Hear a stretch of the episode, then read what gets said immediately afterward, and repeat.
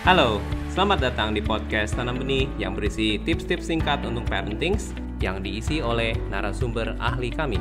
Ingatlah untuk follow dan enjoy. Anak stres karena sekolah itu banyak saya jumpai dan uh, saya nangani banyak anak seperti ini. Saya biasa akan melihat kemampuan anak.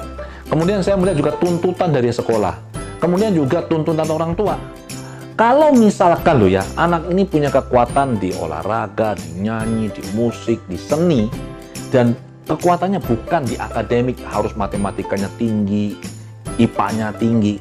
Saya bilang sama orang tuanya, hei, sekolahkan anak di sekolah yang lebih santai, lebih ringan. Ngapain harus di sekolah ini?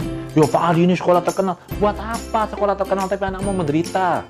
Bagi saya pribadi, ukuran suksesnya sebuah pendidikan itu bukan dinilai, di angka. Oke?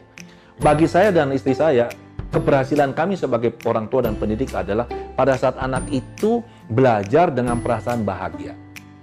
Pada saat dia tamat dan dia mengenang kembali pengalaman dia sekolah dulu, ada perasaan bahagia di situ.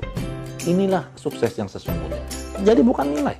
Nah, kalau anak mulai kecil dan biasanya orang tua tanpa sadar anak dipres. Kelas 1 nilainya bagus karena dipres. Kelas 2 mulai turun, kelas 3 turun-turun, kelas 4, kelas 5, SMP drop. Kita tidak mau itu terjadi. Jadi saran saya biasanya sama orang tua, kan ada sekolah yang harus, wah anak tuh dipres. Saya bilang, buat apa? Yang penting anak tuh happy. Itu yang kita perlu berikan pada anak-anak. Jadi kalau sebuah uh, beban sekolah terlalu berat, saya bilang cari sekolah yang lebih ringan. Anda baru saja memperluas pengetahuan parenting Anda.